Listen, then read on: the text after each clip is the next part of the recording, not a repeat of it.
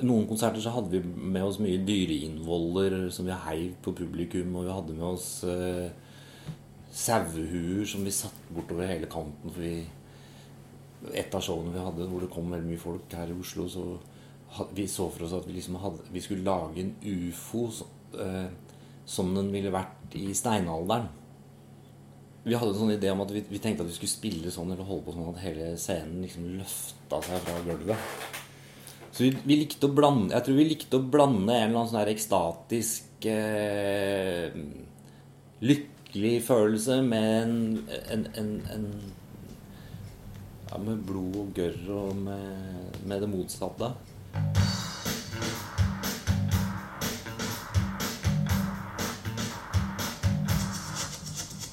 Du hører Masters of Mø, også kalt Nemlig hemmelig, et postpunkband fra Oslos undergrunn på 80- og 90-tallet.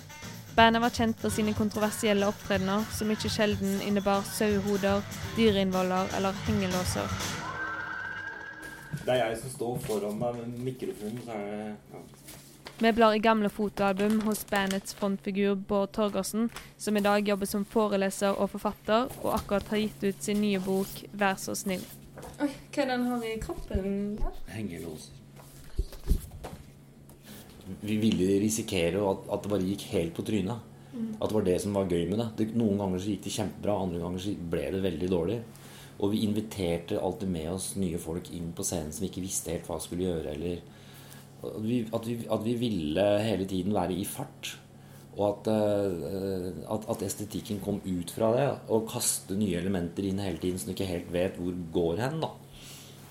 Og eh, ja, og at, og at det var liksom sånn, også litt sånn der protest mot det mest seriøse innafor rock, punk, det som var på den tida. Men etter hvert også, for min del Det ble ganske fort seriøst innafor hele det techno-house-segmentet òg. Det sementerte seg ganske fort hva man kunne gjøre og ikke gjøre. Og, og da var det, altså, det, var, det, var, det var derfor det var gøy å gå inn og tulle med det òg. Mm. Så både være innafor, men utafor på en gang.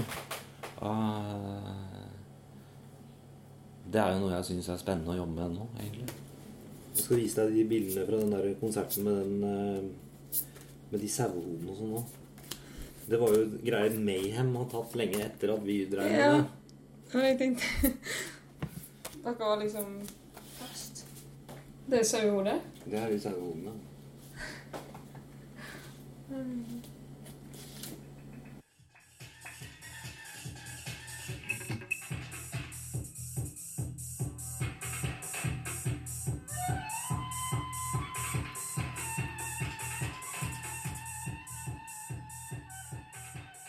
Torgersen regnes som en av pionerene innen norsk elektronika og rave. På 90-tallet var han egentlig utdannet tømrer, men fikk jobbe med filmproduksjoner som rekvisitør og scenografassistent.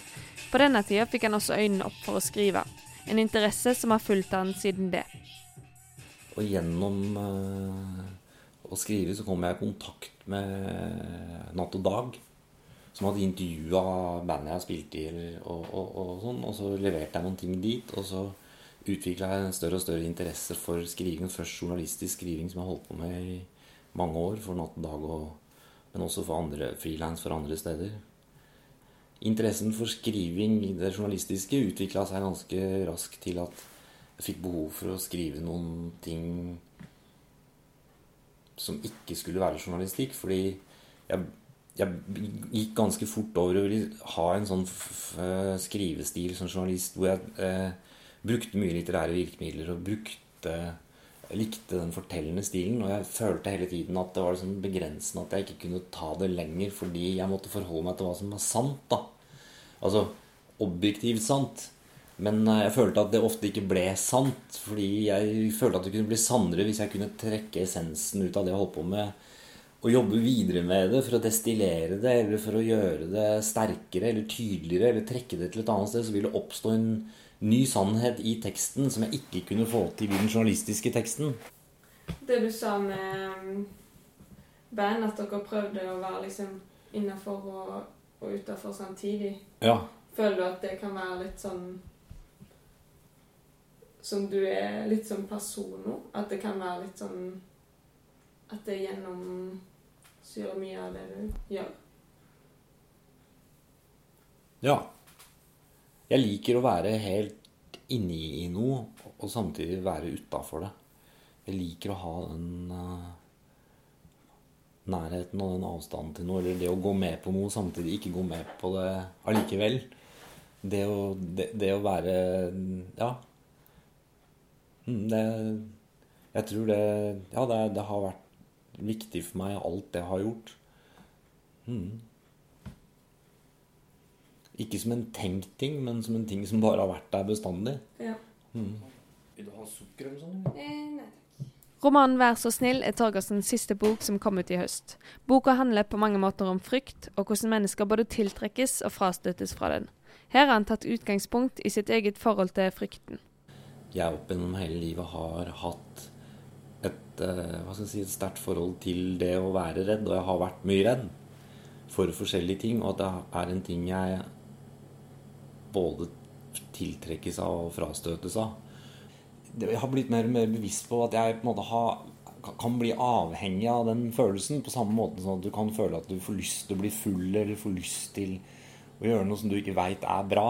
Så kan, altså at, jeg, at, jeg, at, jeg, kjenner at det både er noe veldig sterkt med det, og, og, og noe som er positivt med det, fordi det er så intenst. da Samtidig som jeg også føler at det er veldig destruktivt fordi det er så lammende, og fordi det, fordi, fordi det tar overhånd.